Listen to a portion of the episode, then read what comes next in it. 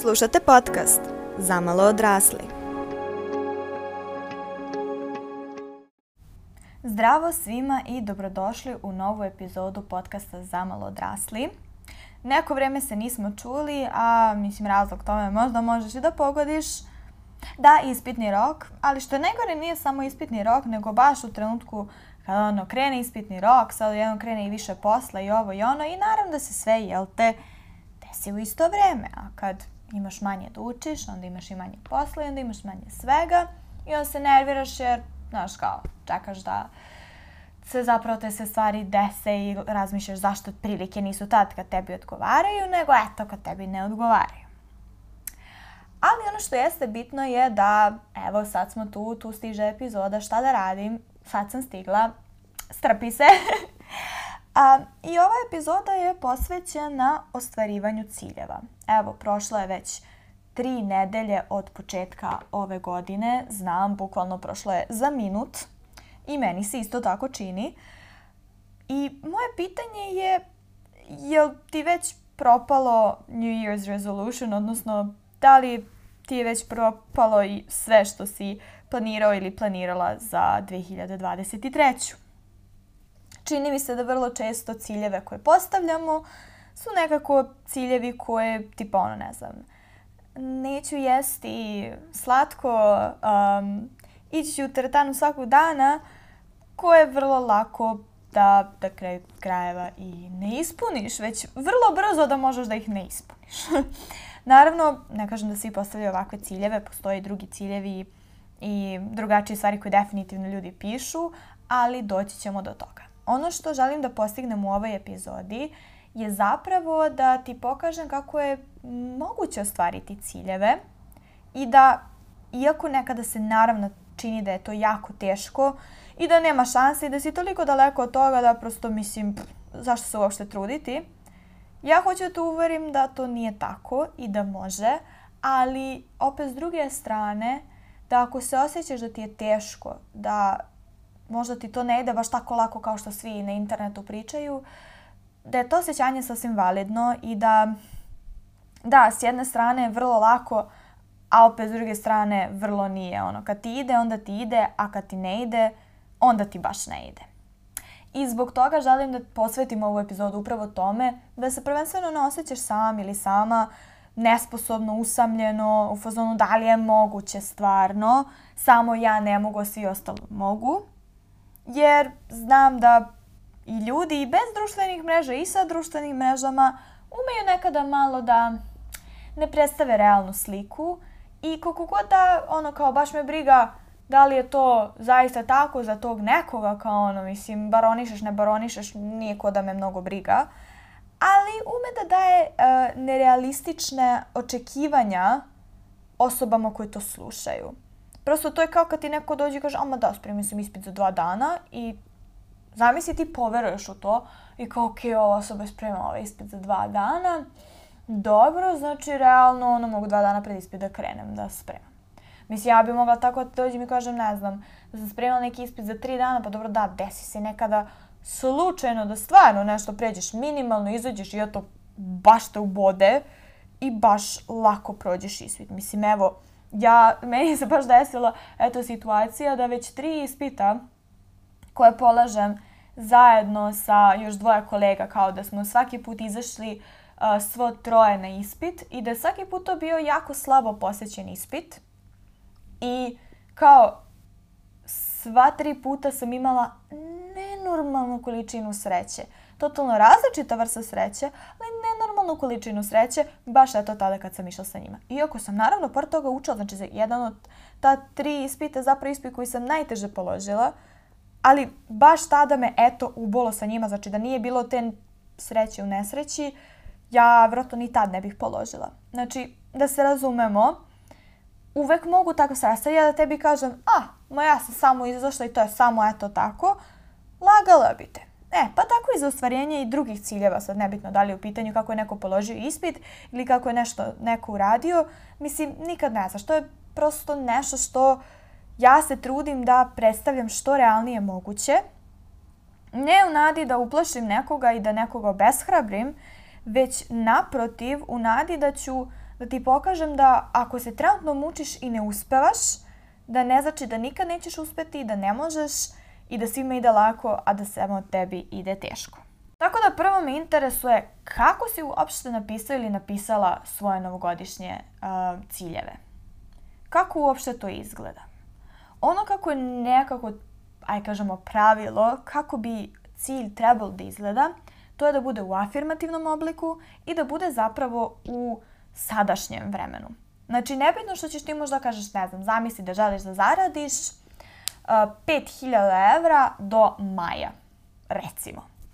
Ne pričam uopšte da li je to realan, nerealan cilj. Znači, samo, samo eto, uzimamo to. I ti ćeš napisati kao cilj zarađujem 5000 evra do maja ili imam 5000 evra zarađeno do kraja maja i slično. I trudiš se da tu nekako budeš ipak dosta precizan i precizna šta zapravo želiš. Znači da na neki način sebe ne ograničavaš, makar podsvesno, nečim što si začela da baš mora tako, nego prosto pusti stvari. Naravno, treba imati donekle jasan cilj. Ali opet mislim da suviše specifični ciljevi i suviše uh, vučenje da baš ideš u određenom smeru možda uvek nije najbolji način. I ostavljati sebi nekog prostora za kako bih rekla, čak to nije ni greška, nego prostora za prosto da pustiš da se stvari odigraju kako je možda za tebe najbolje, je nešto što bi treba, ka čemu bi trebalo da težiš.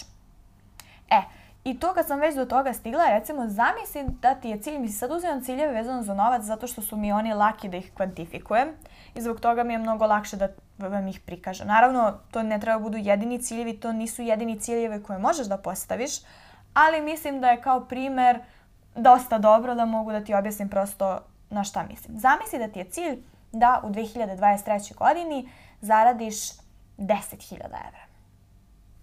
I to ti je cilj.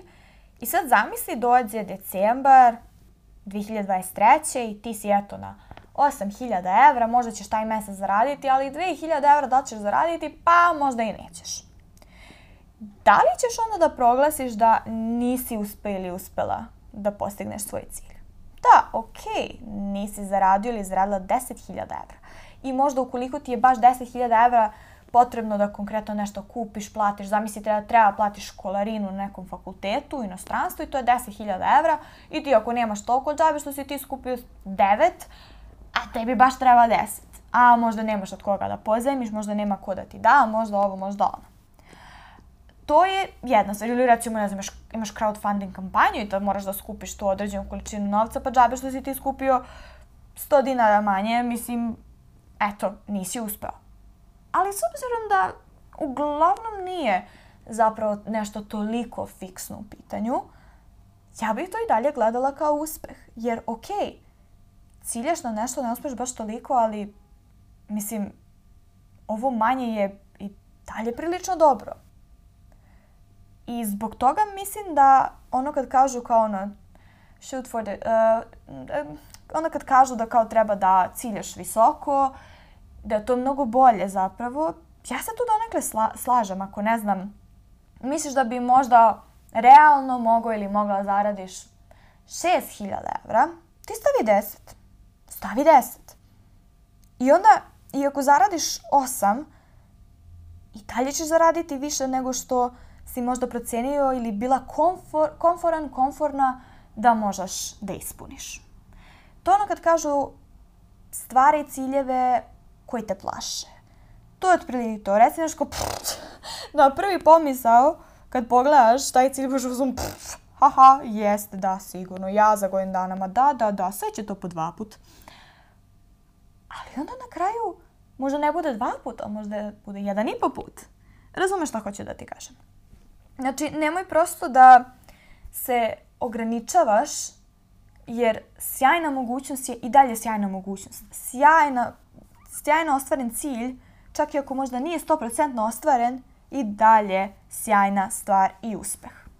E sad dobro, kad otprilike znamo kako možda da napišemo te ciljeve i mislim da nije loše da opet, mislim rekla sam ciljaj na veliku, ali recimo neke ciljeve za koje znaš da ćeš vrlo lako da, kako bih rekla, koje možeš jako lako da prekršiš umesto da možeš da napreduješ ka njima. Recimo, zamisli da ti je cilj a, idi u teretanu dva put nedeljno. I sad ti ako prve nedelje već ne odeš dva put nedeljno u teretanu, jer ne stigneš, a ti već nisi ispunio ili ispunila taj cilj ali stavi nešto tipa radi ka tome da ideš dve, ne, dva put nedeljno u teretanu ili tako nešto. Znači pokušaj da staviš nešto što uh, ćeš sve vrijeme imati prostora da napreduješ ka tome, a ne sebe da praktično eliminišeš iz trke ka ostvarenju svojih ciljeva. Znači, da li je to možda ciljano da u teretani nešto postigneš, pa da to tako označiš kao svoj cilj, a dalje kao koraci ka postizanju tog cilja da staviš da recimo ideš dva put nedeljno u teretanu i onda ćeš to da pokušavaš da radiš kako bi ostvario svoj cilj, to je po mom mišljenju mnogo bolje jer je mnogo manja šansa da ćeš sebe već na početku, nakon što staviš neki cilj, obeshrabriti. I mislim da takav mindset, tako šiftovanje ciljeva će zapravo da ti donese mnogo bolje rezultate.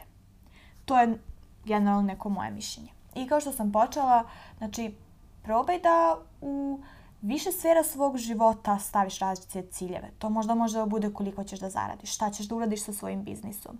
A, možda šta ćeš da radiš u svom um, profesionalnom uh, putu, šta ćeš možda da radiš kao neformalno obrazovanje, uh, a, možda šta ćeš da promeniš na svom ličnom planu i slično. Sve je to nešto što mogu da budu ciljevi. Koliko će oni biti precizni, uh, opet zavisi od toga koja je kategorija. Za novac je jako dobro staviti precizan cilj koliko zaista želiš novca recimo da zaradiš ili da uštediš uh, ili slično, ne znam možda ako kuklinata hoćeš da imaš ako radiš takvu vrstu posla – ili hoćeš da, ne znam, položiš sve ispite ili položiš određeni broj ispita. To je okej okay kao brojka, zato što to su prosto neke stvari koje je mnogo lakše da a, kvantifikuješ. A za neke druge stvari je sasvim u redu napraviti cilj koji je recimo, ne znam, biću blaža prema sebi, davat sebi više vremena da se odmorim. I to je validan cilj ok, neću sigurno napisati da ću sebi 52 prilike da se odmorim ili nešto tako. Ne, trudit ćeš se da ipak nekako ti to samo budu podsjetnici šta je to što treba da uradiš. E sad dalje, kao što sam rekla, uh, a treba da kao to staviš više kao neki korak u postizanju ciljeva. Nije loše da kada napišeš cilj koji će na kraju delovati, ok, dobro cilje, ali ipak malo abstraktno, ne bi bilo loše da napišeš načine kako možeš da ostvariš taj cilj. Koji su to koraci ka ostvarenju tog cilja? I da ih ispišeš kao 1, 2, 3, kao a, crtice, kako god. Nije loše da ako je to nešto što nema jedan jedini put, nego više puteva koji vode do potencijalno ostvarenja tog cilja, da napišeš zapravo nekoliko načina na koje da dođeš dotle. Evo, ajde opet da se vratimo na zaradu. Hoćeš da zaradiš određenu količinu novca. I možeš da, na primer, nastaviš da radiš to što radiš do sada i trudiš se da, ne znam, povećaš cenu ili povećaš obim svog posla. Ili pod dva možeš da um, pokreneš nešto drugo, da batališ ovo prethodno i da pokušaš da na taj način povećaš svoju zaradu. I možda ti je treći način da uh, zapravo guraš oba jer misliš da na taj način možeš zapravo kad imaš više izvora prihoda da ti recimo budu stabilniji onda prihodi i da na taj način prosto obezbediš taj cilj koji si sebi zacrtao ili zacrtala. Kažem, uzimam uvek zaradu kao primer jer mislim da je najlakše da se približi šta to zapravo ja hoću da kažem. I tako kad ispišeš korake, što detaljnije možeš da ispišeš korake, to bolje. To ne znači da ćeš ti zapravo doći do tog cilja na taj način. Ali šta to znači? To znači da ćeš ti obezbediti da ti radiš ka postizanju tog cilja. Znači, to su dve različite stvari. Ne možeš ti da odlučiš kako ćeš zapravo nešto da postigneš. Mislim, ok, možda za neke stvari imaš donekle kontrolu, ali za većinu stvari koje ćeš staviti kao cilj, vrlo verovatno nemaš kontrolu na tome kako će se stvari odigrati. Znači, nikad se ne zna. Možda, to baš dobiješ novac na onoj nagradnoj igri, uh, uzmi račun i osvoji. I eto, tako zaradiš ne 10.000 evra, nego ne znam koliko. Razumeš, znači, i tako nešto potpuno spontano, potpuno neočekivano može da se desi. I da ti to nije bio cilj jer jel te ne možeš da utičeš na to. Možeš da slimiš one račune i da ih pošalješ tako, ali ne možeš da utičeš na to da osvojiš na nagradnoj igri. Ali to što ćeš ti uzeti i napraviti tri načina kako možeš da postigneš tvoj cilj, ti ćeš krenuti k radiš, da radiš na tome, da radiš na ostvarenju cilja. Ti ćeš se staviti u taj mindset da ti ideš ka tom cilju i na taj način će ti se možda otvoriti neka potpuno peta uh, i neočekivana prilika, ali to je najbolji način da sebe dovedeš do ostvarenja cilja. Znači, ni jedan cilj ti se neće ostvariti ako samo sediš kod kuće i ne radiš ništa. Moraš da se nekako staviš u pokret. Moraš nekako da radiš ka tom cilju, makar i direktno to što radiš ne uticalo na to da ti taj cilj postigneš, ipak treba na taj način pristupati ciljevima. Znači, um, to je definitivno nešto što će te dovesti bliže ka ostvarenju tvog cilja. E sada, um, ja sam sve vreme pisala ovde kao napiši svoj cilj, napiši korake, ali mnogi ljudi zapravo vole nešto zove vision board, odnosno praktično jedna uh, tabla na kojoj ćeš da staviš slike koje će da predstavljaju stvari koje ti planiraš da ostvariš u narednoj godini. I ja sam, sećam se, uh, pre dve godine, znači pred 2021. Bila u fazonu, ok, sad ću ja da napravim svoj vision board. Ja sam odlučila da ne, ja neću da uzmem i da uh, nađem na internetu slike koje će da odgovaraju moje viziji i da ja to očetam pa mi zalepim. Ne, ne, ne, ja ću da ilustrujem svaki pojedinačno cilj koji imam, Tako ću se još više i udubiti u to i e, totalno to moći da zamislim i bit će baš onako kako ja želim, to će odgovarati tome. ja sam sela i imala sam 20 ciljeva, mislim bili su iz različitih kategorija, nešto je bilo vezano za faks, nešto je bilo vezano za posao, nešto je bilo vezano za a, moje, a, moje lični ono, zdravlje, razvoj, ovo ono. Znači, bilo je to zapravo u svakoj kategoriji po jedna, dve stvari. I ja sam to sve lepo uradila i ja sam, kao što svi kažu, to stavila na mesto koje najviše gledam tokom svog dana, a da nije telefon. I apsolutno ništa od toga nisam ostvarila. Ni jednu jedinu stvar. Ali bukvalno ništa. Mogla bi ako bi baš sebi dala kao ono, ajde kao, u stvari jesam jednu, mislim da sam tipa stavila da putujem, ali ne znam da sam stavila kvantifikovano koliko i gde. Ako nisam stavila kvantifikaciju nikakvu, eto onda možemo da kažemo recimo da sam to uspela, što sam stavila zato što eto 2020. nisam baš nešto mnogo putovala jer je bila korona. Ali ako sam jedan, to je bukvalno to što sam ja ostvarila sa celog tog spiska, odnosno od cele te table. Iako je stajala tu, stalno me podsjećala, stalno sam je gledala, e, ti ciljevi su bili stvarno nešto što sam ja želela. E, na, za neke stvari sam, aj kažemo, bila 100% odgovorna da li će se desiti. To su stvari vezano za no, ono, lični razvoj. A s druge strane, naravno, postoje su i stvari koje nisam u potpunosti mogla ja da upravljam i aj ja kažemo tu možda sam se kao trudila da nešto, ali nisam postigla. A, prosto šta se tu desilo? Iako sam ja apsolutno uradila sve što mi je rečeno i išla tehnikama kojima su drug, koje su drugima pomagale, koje su drugima uspele, ja apsolutno ništa nisam postigla. Tu su dve stvari zapravo bile ključne.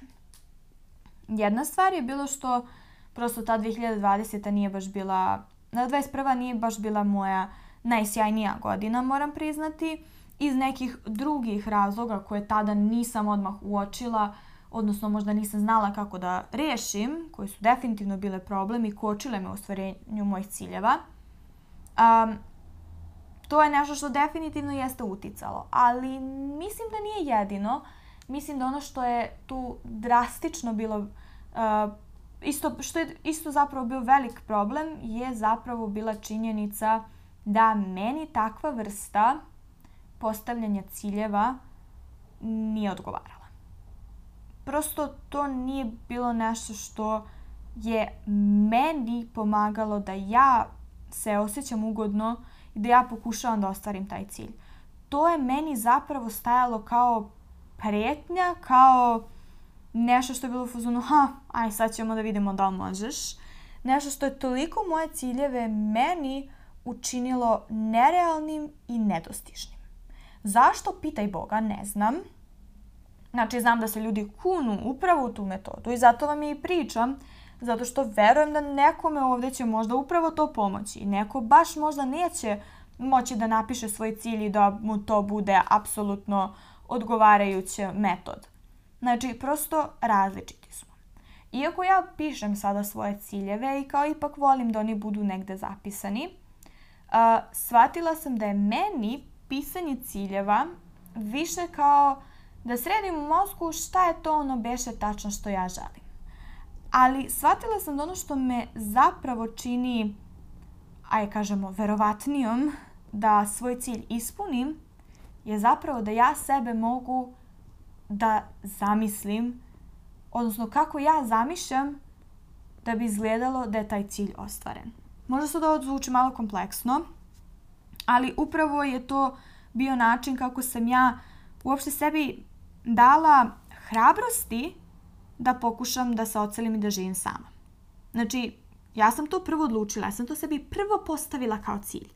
U smislu, palo mi je na pamet u jednom trenutku i bilo sam sam, pa realno, mogla bih, trebalo bih. I ja sam tada to imala više kao, ok, ideja, super, ali to realno nije bio cilj koji sam ja bila spremna da ostvarim. Kad je počeo da bude cilj uh, koji sam spremna da ostvarim je u trenutku kada sam ja bukvalno počela da zamišljam kako bi ja to, eto, volela da izgleda stan u kom bi ja živela, zadržavajući se na realnosti, znači mogla sam i da zamislim, ah, kao, ne znam, stan sa tri sobe, ovo ono, što bi realno bilo možda nerealno da jedna osoba ima. Mislim, jer kao nisam ni tražila na kraju ni u jednom trenutku takve stanove, jer prosto znala sam da to nije nešto što bi bilo optimalno za mene. Ja sam eto zamisla kako bi izgledao moj stan, kako bi ja to volala da izgleda, kako bi volala da izgleda moj dan, kako bi se ja osjećala kada bih postigla svoj cilj. I tek tada kada ja sebi bukvalno mogu u glavi da vidim sebe kao da sam već ostvarila svoj cilj, tek tada zapravo imam hrabrosti da ušte počnem da radim ka ostvarenju tog cilja. Sve do tada što radim je samo kao, mislim, zamisli da bukvalno baš ne veruješ da nešto možeš da uradiš. I onda kao ti radiš tu nešto, ali toliko nemaš poverenja u sebe da prosto, fizi ono, nerealno ti dela da će se to ikada desiti. Prosto nekako igraš tu ulogu jer eto, tako bi trebalo, ali realno ne vidiš da ćeš ikada zapravo postići to nešto. E, ja sam shvatila da meni upravo takav način odgovara. E sad, ono što tu dodatno dolazi ja da bih tako nešto zamislila, ja bukvalno idem, kad kažem do detalja, ja mislim do detalja. I uglavnom kada su to neke stvari koje prosto Uh, jedna je stvar ako recimo ne znam, um, mi je cilj da um, eto budem fizički aktivnija, nije mi toliko veliki problem da zamislim sebe da treniram nešto. Znači samo treba da se odlučim u kom bi se sportu zamislila i da zamislim sebe da ja to radim i eto da možda vidim kako bi bilo pre, kako bi bilo posle, ovo ono. Ali kada su u pitanju neke veće stvari, zapravo u tom trenutku mi treba da nađem informacije koje će meni pomoći da ja tu svoju sliku ipak napravim što realnijom. Jer evo zamisli da hoćeš da studiraš na određenom univerzitetu i hoćeš da studiraš određeni master. I zamisli da ne odeš i ne pogledaš da li oni uopšte imaju taj master. Ti sad kao zamišljaš da ćeš tu, mislim pazi, postoje eto neka kosmička šansa da eto oni baš magično uvedu to u trenutku kad ti treba nekako da se prijaviš i da se to stvori tu i da ti se eto prilika potpuno neočekivano otvori. Mislim kao, može da se dogodi, ali vrlo često ipak neke stvari su već takve kakve su i prosto ne možeš da zamišljaš nešto što nije baš, ne možeš da uopšte, nema pojente možda neke da pokušaš da cilješ ka nečemu što ni ne može da bude prosto tako.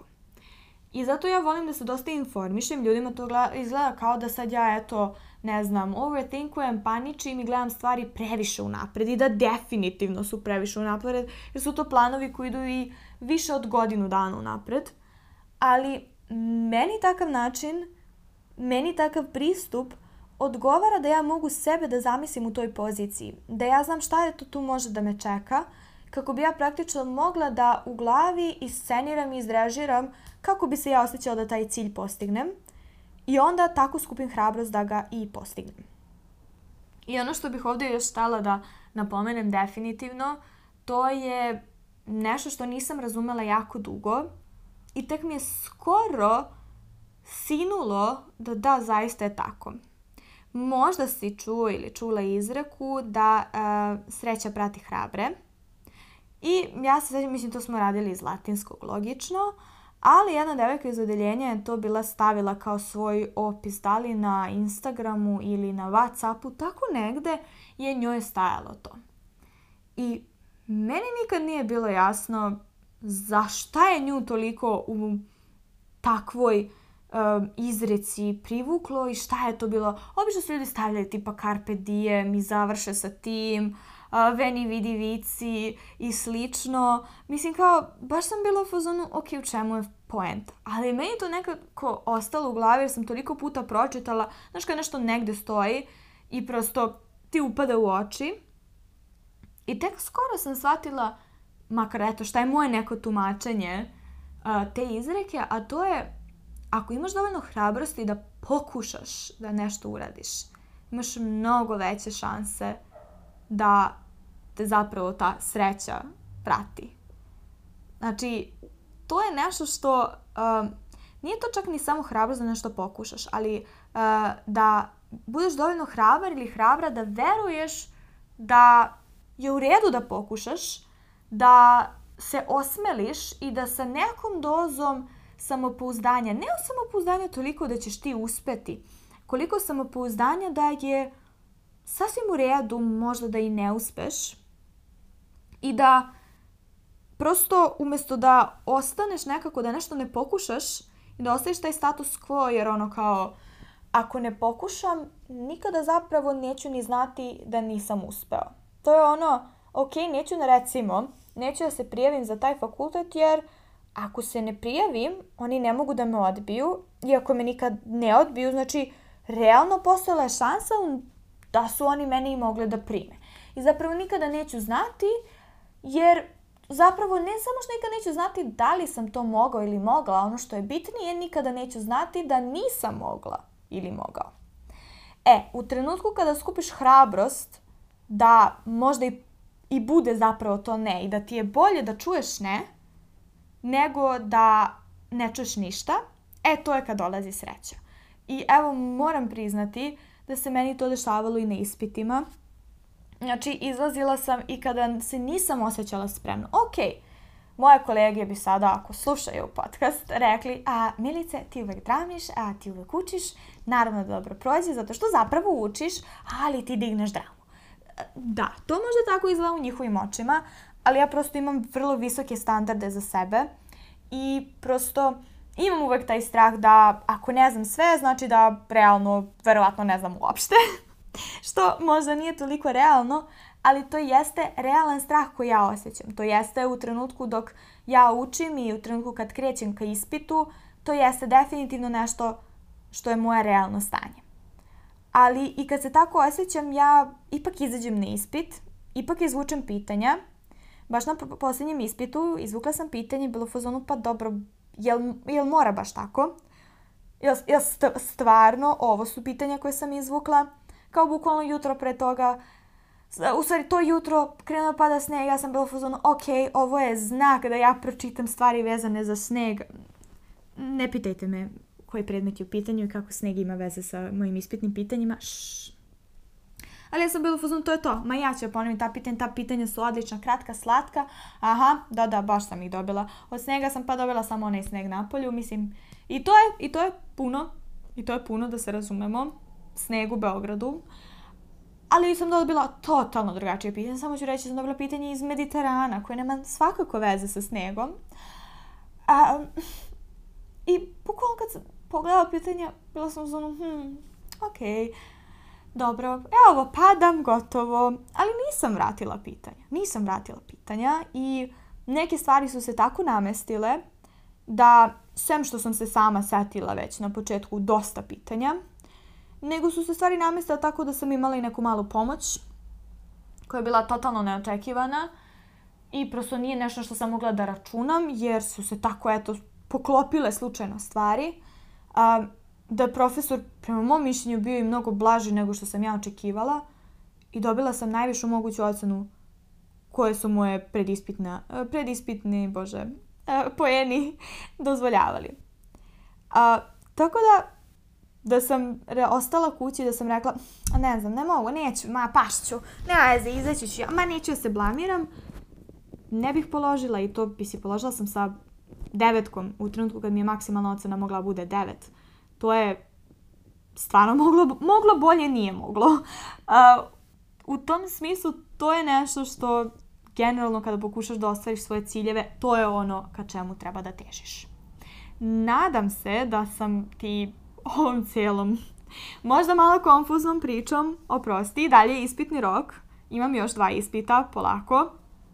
Nadam se da sam ti pomogla i nadam se da sam te makar inspirisala da uh, pogledaš svoje ciljeve, pretreseš ih možda, nema veze za što je već počela godina. Kakve veze ima? Mislim, poče sada, super. Ostalo ti je još 49 nedelja da ih ostvariš. Razumeš? Uh, nadam se da sam te inspirisala i nadam se da možda ako si već napisao ili napisala neke ciljeve i oni te čekaju tamo negde, da će te možda ovo inspirisati da zapravo kreneš i da ih ostvaruješ. A do sledeće epizode, slušamo se!